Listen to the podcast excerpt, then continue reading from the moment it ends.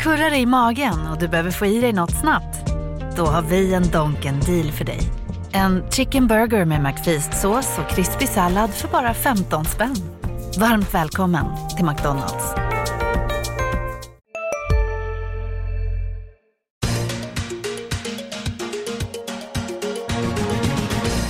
Hej och välkommen till Makrorådet. Idag står Anna Breman, chefsekonom på Swedbank och Johan Javeus, analyschef på SEB mitt emot mig i studion. Ni sitter förresten ser jag. Välkomna är ni i alla fall båda två. Tack så mycket. Eh, jag heter Viktor Bunkhammar och det är onsdagen den 20 december när vi står här och pratar. Och det här är säsongens sista program. Eh, vi ska bland annat försöka bena ut vilka av höstens händelser som eh, har förändrat landskapet och vad man ska ta med sig in i 2018. Eh, vi ska också prata lite om skattereformen i USA. Eh, men vi börjar med det som händer nu på morgonen. Det kommer ju räntebesked från Riksbanken som det gör sex gånger per år.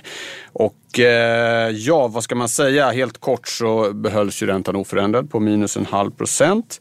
Eh, liksom räntebanan, alltså Riksbankens prognos för hur den ska utvecklas framöver, reporäntan. Men de valde att avsluta köpprogrammet, Anna. Eller gjorde ja. de det? Nej, men det, det, det, här är ju det roliga och det ska vi försöka förklara. Ja, bra. Eh, man lyckades vara duvaktig som man säger samtidigt som man betedde sig hökaktigt. Duvhökar? Ja, duvhökar. Nej, men de avslutar ju att köpa nya statsobligationer. Man ska inte utöka de innehav man har.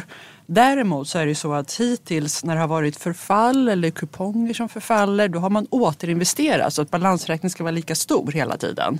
Eller nu har den ju blivit större och större och större och sen är tanken att den ska, eh, det som förfaller ska liggas kvar. Nu ska den plana ut. Precis, men då är det så att det är inga stora förfall under 2018 utan det kommer först under 2019. Och sen är det lite kuponger under 18 och 19. Och det ska man återinvestera. Men man börjar återinvestera redan nu i januari, det som förfaller först 2019. Så på kort sikt så kommer man alltså skjuta fram återinvesteringarna. Så balansräkningen kommer faktiskt fortsätta att öka i närtid. Men det är bara för att den ska vara lika stor sen då 2019 när de stora förfallen kommer. Eh, men det gör att man kommer ha en stor närvaro på marknaden. Alltså fortsätta att köpa obligationer varje månad. Och det är ett sätt för dem att hålla kronan ganska, fortsatt ganska svag. Samtidigt då som man säger att räntehöjningar är på gång och att man avslutar nettoköpen. Ja, okej. Okay. Ja. Var, var här var det... kanske ett ganska fiffigt sätt då att liksom både avsluta köpet men ändå göra det väldigt eh, ja, icke-abrupt, väldigt mjukt, eller? Ja, vi trodde att de skulle bete sig så och det är ganska smart mot marknaden för man visar att vi finns här, vi kommer fortsätta att eh, se till att kronan inte stärks för snabbt. Att vi har till och med möjlighet att, eh, det, har, det sa de inte direkt uttalat idag, det kanske de säger på presskonferensen, att man kan ju till och med påbörja köpen igen om man behöver. Men det är ett sätt att visa marknaden att man finns där, marknadsräntor kommer vara låga eh, samtidigt som man faktiskt går mot räntehöjningar. Ja, Okej, okay. Johan, vad tyckte du om den här manövern? Och det andra förstås? ja, nej, men det här var precis som eh, förväntat och därför blev det heller inga stora reaktioner på det här. Och eh, det här med att man eh, återinvesterar i förväg det är ju också någonting som man har gjort tidigare så att metoden var känd också eh, för marknaden innan. Så att nej, väldigt få överraskningar i det här. Ja. Något annat då? Vad är lite prognoserna nu? Man kan ju inte låta bli att förundras över att inflationsprognosen nu är ju väldigt elegant. Ja. 2,0 procent 17, 18, 19, 20. Ja. Va? Ja, men de hade ju nu, alltså vi hade inflationsutfall förra veckan. Då var inflationen tillbaks på 2 procent. Eh, den har legat lite över, det var några månader under, nu är den tillbaks på 2. Och nu har de ju då fått en lite svagare krona här sista månaderna. Och det gör att eh, lite svagare krona och lite högre energipriser gör att de kan skriva upp sin inflationsprognos lite. Ja. Eh, och det är precis det de behöver för att annars så ser det ut som inflationen kommer falla tillbaks lite. De flesta prognosmakare har ju en inflation som är under 2% nästa år. Gäller det er också? Har Swedbank och SEB? precis under 2 mm. Ja, ja. Eh, så att, men vi vet att det är lite uppåtrisk på grund av kronan och energipriserna. Eh, men i praktiken, nu har de legat ett halvår på målet i stort sett. Eh, och det de säger är att nu kommer vi ligga kring målet ytterligare ett halvår och sen höjer vi. Ja, blir det så Johan? Ja, det är mycket som talar för att det ändå kommer en höjning någon gång. Kanske. Någon gång. Ja, men, ja. precis. Någon gång kommer det ju. Ja, men det är det man kan säga, eh, någon Nå- gång efter halvårs... I praktiken handlar det väl om att antingen på jul, mötet början av juli eller mötet början av eh, september. Ja, och banan om man ska finräkna det så är det väl september då som Ja. är huvudalternativet. Och någonstans Men de där... skriver mitten av året, har Ja. noterat det? De skriver... De skriver mitten av året Ja. men eh, vi litar ju mer på banan än vad de säger. Men mitten, september är väl Början av september är väl mitten av året. ja. mitt-ish som vi brukar Ja. säga. Ja. Ja. Men, men eh, det, det är inte... Det, där kan hinna ändras eh, många gånger fram till, till att vi, vi är där. Nu ska vi i och för sig ha i minnet att det här är faktiskt fjärde mötet i rad som de inte gör någon ändring av räntebanan. Så att de har ju verkligen siktat in sig mot den tidpunkten. Ja. Och Jag tror faktiskt att juli kan vara en enklare tidpunkt för dem, för dem än september. Eftersom inflationsmässigt, förra sommaren kanske ni kommer ihåg, eller nu i somras var det ju, då gick inflationen upp delvis på grund av de här paketresorna. Så det Mätmetoden en tuff som ändrades, Ja, ja, precis. ja. Och, och nästa sommar nu, då kommer ju det gå åt andra hållet. Man brukar kalla det baseffekter. Och det gör att de siffrorna, alltså inflationssiffrorna kommer bli lite låga mot mitten av nästa år. Och det kommer vi få då, utfallen för juli, augusti kommer ju en månad senare. Så det, finns, det är inte alls så möjligt om vi passar på att höja i juli. Medan de har ganska goda siffror i ryggen för sen kommer en dipp. Och då kan det rent vara lite svårare kommunikativt att höja precis efter en dipp. Eller så passar man på att vänta in den där dippen så behöver man inte höja. Det är en möjlighet men då, då är det ju inte Blir man, inte anklagad, blir man inte anklagad för att ha höjt för tidigt? Nej. Ja. Vi får se. Å andra sidan så kommer de ju anklagas för att ha väntat för länge då givet att man väntar tills inflationen börjar falla igen. Så att det, det, de, Det är svårt att vara centralbank. det är svårt att vara centralbank. Ja, ja. Okej, Eh, en, en annan pusselbit i det här, eh, sen ska, ska, ska jag släppa er när det gäller, när det gäller Riksbanken, men det är ju förstås ECB och hur, hur det ser ut där. Är det, är det fortsatt en lika viktig? Jag tycker ändå man har anat en tendens hos Stefan Ingves i vissa uttalanden att distansera sig något från att liksom vara en slav på ECBs vagn så att säga. Håller ni med om det? Några uttalanden han har gjort. Ja, jag tycker att eh, med tanke på att kronan ändå har varit på den svaga kanten nu under rätt lång tid så har väl det kanske gjort dem lite mer komfortabla att kunna lämna ECB-fållan lite grann. Men jag tror att de är tillbaks där om kronan skulle börja stärkas igen. Ja. Och du håller med Anna? Du, Ja, de, alltså kronan är ju svagare nu än vad de själva trodde. Och det ger dem lite råg i ryggen och inflationen har- kom ju upp igen. Men såklart om kronan stärks snabbt, om ECB börjar bli mjukare igen under nästa år, då, då blir det svårt för Riksbanken att avvika allt för mycket. Så ECB är en eh, viktig faktor även under nästa år. Ja. Det kommer det vara. Då förflyttar vi oss över Atlanten till USA där eh, det här stora skattepaketet eh, eh, ja, äntligen, beroende på hur man ser det, men i alla fall. Det har blivit av eh, och det har ju påverkat börserna en del och så. Kort bara om du börjar Anna, vad, vad, vad får vi för påverkan på om man tittar på reala effekter, kanske i första hand alltså i tillväxt och liknande investeringar eh, av det här. Vad tror du? Och hur spelar det på Sverige? Små effekter på amerikansk tillväxt. Eh, vår bedömning är att det kan ge några tiondelar på tillväxten nästa år. Men inga långsiktigt positiva effekter eh, på amerikansk ekonomi av det här. Eh, och det delar vi med de flesta andra. Vi hade ju Fed-besked för någon vecka sedan och de har ju inte ändrat sin syn på långsiktig tillväxt. Eh, däremot så skapar det ju starka politiska spänningar inne i landet. Eh, och jag tror att eh, ett tema inför nästa år kommer vara man kanske, ja, vad man än tycker så amerikansk politik kommer fortsätta vara i fokus. Vi har ju val till en sån här midterm election som det kallas nästa höst och att allting kommer börja hetta till inför de här valen. Alltså republikanerna går de svagt, kan förlora både kongressen, representanthuset politiskt stökigt läge i USA framöver. Det här är en vinst för Trump för han har committat till att göra det här. Eh, men det är ändå stökig politik i USA och det kan påverka marknaden under nästa år som det har gjort under det här året, upp och ner lite. Ja. En, en, en annan effekt eh, av det här paketet är att det beräknas att höja den amerikanska statsskulden med omkring eh, 1000 miljarder dollar. Det är inte småpotatis precis. Tänker du Johan, kan det ha, ha någon liksom, påverkan eller sväljer marknaden glatt? Ja, eh, som jag tror jag sagt kanske till och med här någon gång tidigare att eh, Att man finansierar det här då med ökad skuldsättning är ju, kan man tycka ett problem på lång sikt. Men i dagsläget, så länge det finns en god efterfrågan på amerikanska statsobligationer både i USA och utanför landet, så är det inget problem för politikerna.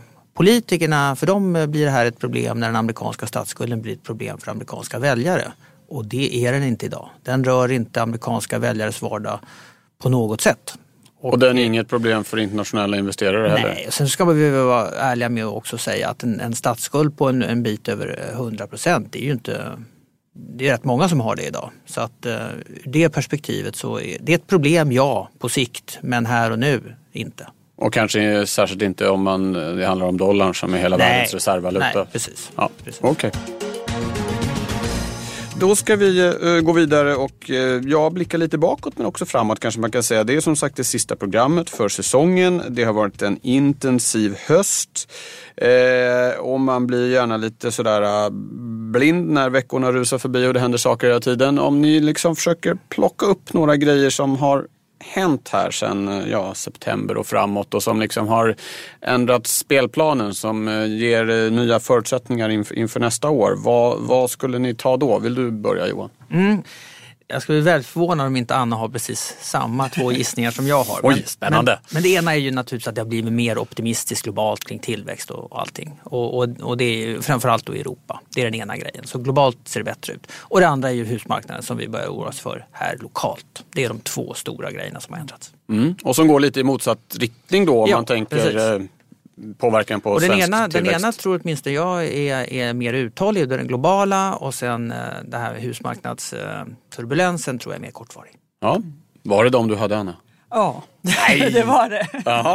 men, man, ja. man, men man får också tänka på hur Alltså, tänk på hur året började 2017. Mm. Vi hade haft Brexit 16, vi hade Trump som precis hade blivit vald.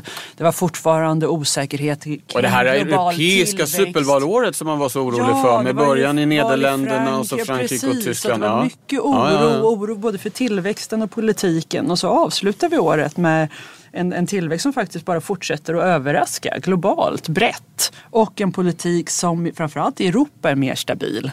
Jag menar, Brexit och USA är fortfarande det som är de stora osäkerhetsmomenten politiskt framöver.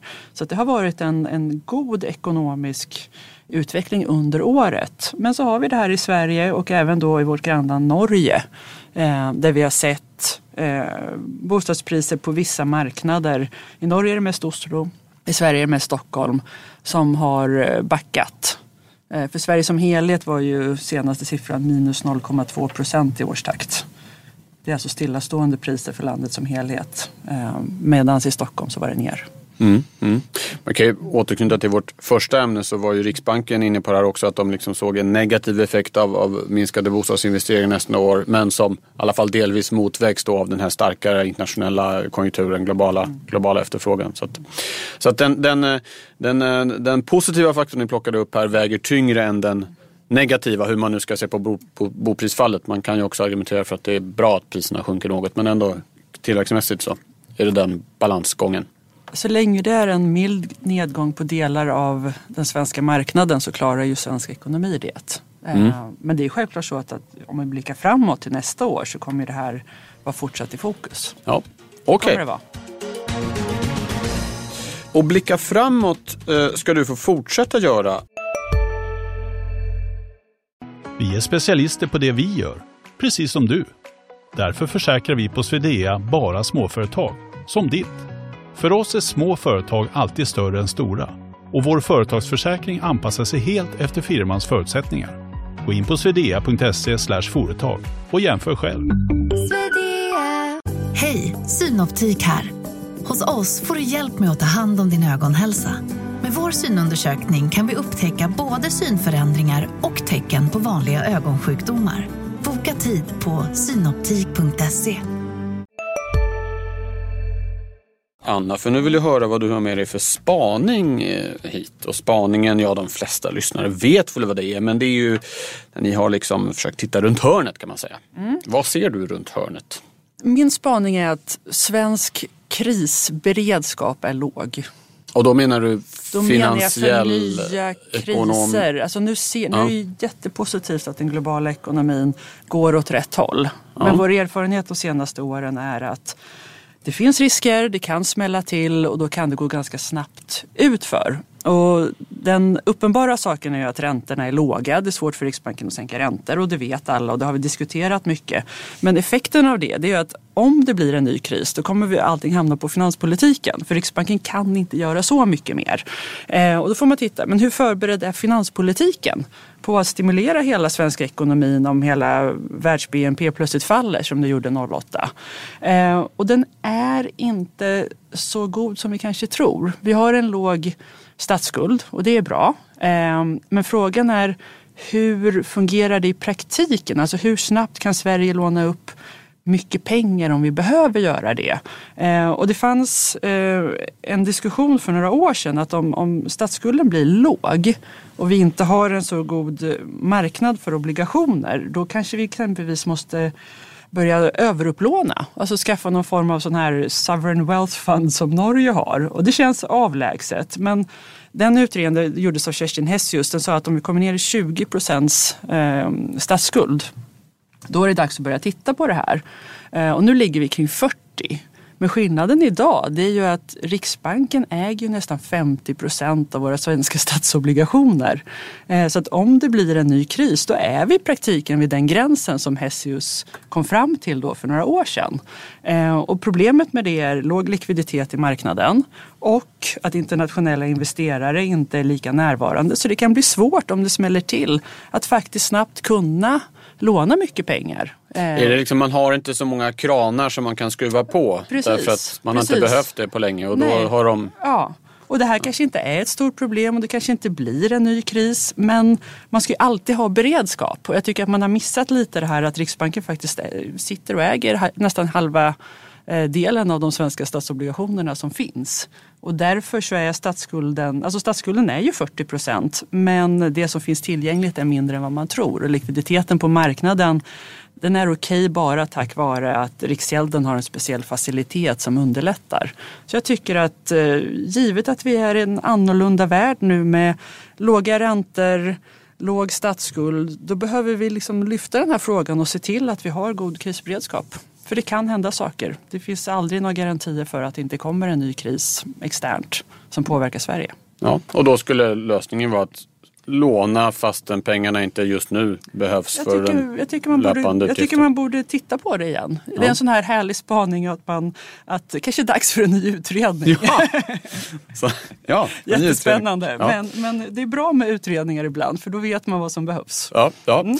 Eh, och det finns ju en befintlig då som man kunde titta i. Precis. Några år gammal. Precis. Johan, någon kort, kort, kort kommentar på Annas spaning innan du spanar alltså, själv? Ja, ja, det är problem idag med likviditeten i svensk obligationsmarknad, ja. Jag är inte personligen det minsta orolig för att vi skulle kunna låna upp mycket pengar relativt snabbt om det skulle behövas. Ehm, Men jag vet att den här diskussionen har förts. Ehm, Personligen så tror jag att det, det, det kommer inte bli något stort problem. Nej. Om det skulle behövas. Ja, skönt, det blir så. Eh, krisen är över. Får se. Innan den började. Ja, ja. Okej, Johan, vad har du med dig?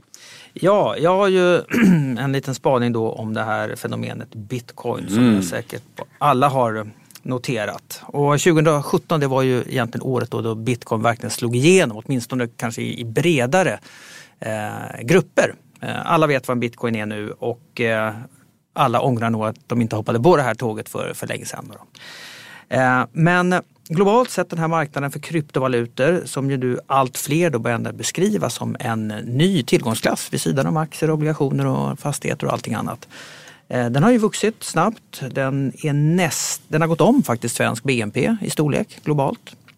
Och vad som sker när en marknad växer på det här sättet det är ju också att den, den eh, när det börjar bli intressant för allt fler så börjar det också skapas produkter, sparprodukter eh, av den traditionella marknaden. Och vi har sett de här första exemplen nu under, under december då det har startat terminshandel i, i bitcoin. Och eh, min spaning är då, och det är lite spaning och lite fråga, det är om 2018 då blir det här året då den här tillgångsklassen tar steget in eh, bland de traditionella tillgångsklasserna och blir möjlig för en- bredare grupp både av Eh, privata investerare som kanske inte känner sig komfortabla med att hålla på med elektroniska plånböcker och sånt där. Men även professionella investerare då som, som inte har kunnat accessa den här marknaden med de bristfälliga instrument som finns idag. Och reglerare måste in på den här marknaden också för att uh, se till att det är ordning och reda och börja reglera en, en, stor del av de företag som finns i den här marknaden som idag är relativt oreglerade jämfört med resten av finansmarknaden. Så att uh, det kan hända saker även nästa år.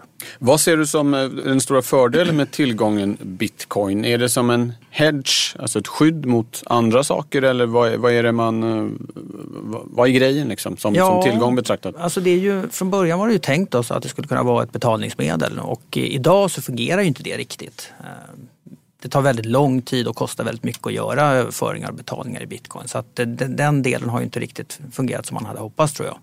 Eh, men då finns det många andra kryptovalutor som har försökt lösa det och gjort det på ett bättre sätt och sådär. Så att eh, idag så är det en valuta på vissa sätt men, men inte riktigt uppfyller kraven på, på andra sätt. Men, men, eh, i stort sett den här liknelsen med digitalt guld, att det är en tillgång som är värd någonting för att vi alla eller en tillräckligt stor mängd av oss har kommit överens om att eh, vi faktiskt tycker att den är det. Det är ju egentligen den stora, den stora grejen. Då, då. Men eh, om, man, om man ska se det här i ett långsiktigt perspektiv så allting hänger ju på att det här, det här fortsätter och blir bli, bli mer brett och mer vitt spritt. Eh, för att det är ju det som de som äger det här idag hoppas på eftersom det är det som ska driva en fortsatt värdeökning. Ja. Men, ja. men eh, jag skulle säga så här att det, det, det, det, blir en väldigt intressant utveckling under 2018. På kort sikt så tror jag själv att det finns rätt så stor risk för korrektioner som det har gått så väldigt, väldigt fort upp nu. Då. Men, men eh, fenomenet kryptovalutor som sådan tror jag är här för att stanna. Anna, reflektion, kommentar? Jag, Sågning jag, går bra också. Ja, jag, jag delar helt uppfattningen att kryptovalutor är här för att stanna. Eh, jag tycker bitcoin är ett eh, fascinerande fenomen. Jag har själv Köpt nej, ganska mycket inte, för fem år sedan? Nej, det kom inte där? Nej, nej, nej jag, okay. jag, har följt dig sedan en fyra, fem år tillbaka. Men mm. alltså, be, som betalningsmedel, vilket är tanken, det är verkligen opraktiskt. Alltså transaktionskostnaderna är mycket högre än för de mm. flesta andra betalningsmedel. Eh, och de är, tar lång tid Alltså ingen har ju lust, vi kan ju betala när vi betalar med ett kort, det är ju direkt. Bitcoin kan ju ta flera minuter eller till och med ännu längre för att få igenom Flera en, timmar faktiskt. Flera timmar för att få igenom en transaktion. Det är ju liksom helt hopplöst jämfört med annan modern teknologi. Och det drar en massa energi. Alltså det är extremt miljöovänligt och det här blir ju bara värre för att tanken med bitcoin är ju att det ska finnas en, en alltså det ska bara gå upp till 21 miljoner bitcoin. Så att varje ny bitcoin som man ska hitta nu blir ju svårare och svårare, drar ännu ännu mer energi. Så att det är extremt opraktiskt. Eh, däremot är själva tekniken som ligger bakom det, blockchain, väldigt spännande. Och, och jag, jag, jag tycker det är lite synd att det blir så mycket fokus på bitcoin. Så att man diskuterar bitcoin mer än den underliggande teknologin. För den kommer kunna ha stor påverkan på finansmarknader. Eh, även eventuellt på centralbanker framöver. Eh, jag menar, nu, nu diskuteras det ju liksom, ja, men säg det här som jag pratade om om det blir en ny kris igen. Ja, men Riksbanken kan inte sänka räntan så mycket mer. Men varför kan ni inte göra det? Därför att vi har fortfarande kontanter. Men om vi får en ny digital valuta som slår igenom och som folk faktiskt tror på, ja men då kan man ju ha Minus 100 procent kan ju räntan vara. Ja, eller kanske minus 5 procent ja. i alla fall. Ja. Om man tänker 08, då sänkte man från 4,75 till 0,25, 4,5 procentenheter. Ska man göra det idag, då ska man ner till minus 5. Det är därför jag menar att finanspolitiken är viktig i det här. Mm. Eh, så att jag tycker att eh, liksom, digitala valutor eller kryptovalutor eller e-kronan som Riksbanken har börjat titta på allt det där är jättespännande, men vi ska prata mer om det och sen kan man självklart prata om bitcoin hur mycket man vill. Det är helt okej, okay. men jag tycker att jag vill se analyser av vad är effekten av kryptovalutor och kommer, hur kommer det påverka finansmarknader och centralbanker framöver. Ja, Okej, då ser vi fram emot den analysen. Ja, kanske, vi håller på. Kanske. Ja, vad bra. Då, då, du får gärna återkomma i det ärendet. Tack ska ni ha. Eh, sen brukar vi ju runda av eh, det här programmet med veckans viktigaste. Det är hållpunkten här eh, den allra närmaste tiden framåt som man verkligen ska hålla koll på. Det är väl, julen kom ju olägligt här får man säga.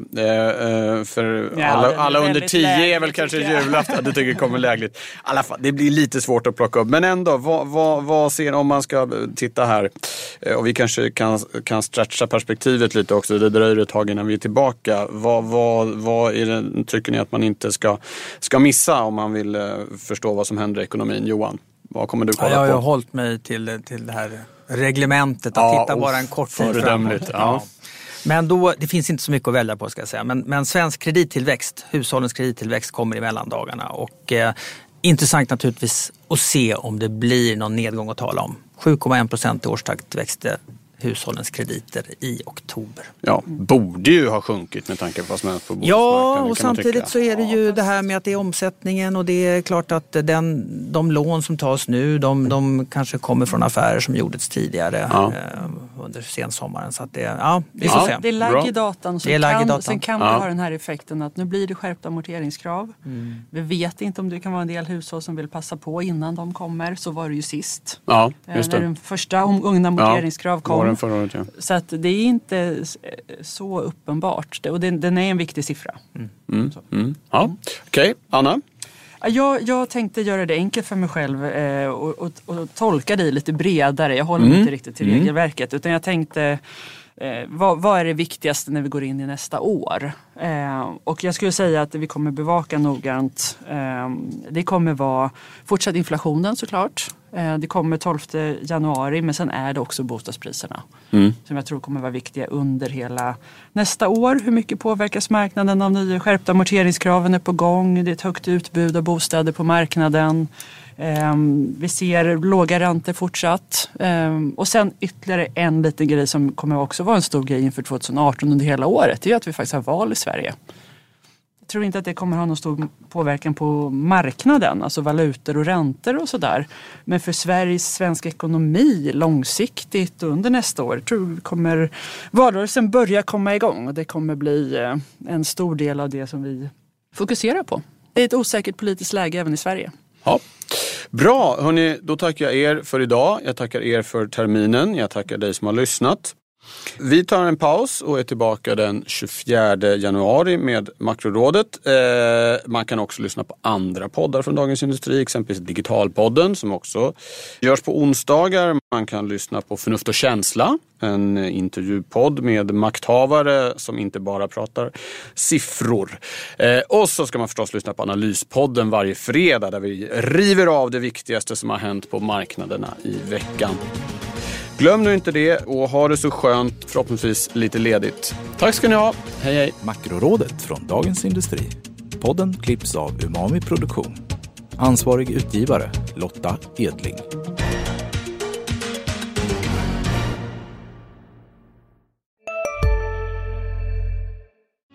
Hej, Susanne Axel här. När du gör som jag och listar dig på en av Krys vårdcentraler får du en fast läkarkontakt som kan din sjukdomshistoria. Du får träffa erfarna specialister, tillgång till lättakuten och så kan du chatta med vårdpersonalen. Så gör ditt viktigaste val idag, lista dig hos Kry. En nyhet. Nu kan du teckna livförsäkring hos Trygg-Hansa. Den ger dina nära ersättning som kan användas på det sätt som hjälper bäst. En försäkring för dig och till de som älskar dig. Läs mer och teckna på trygghansa.se. Trygg Hansa. Trygghet för livet.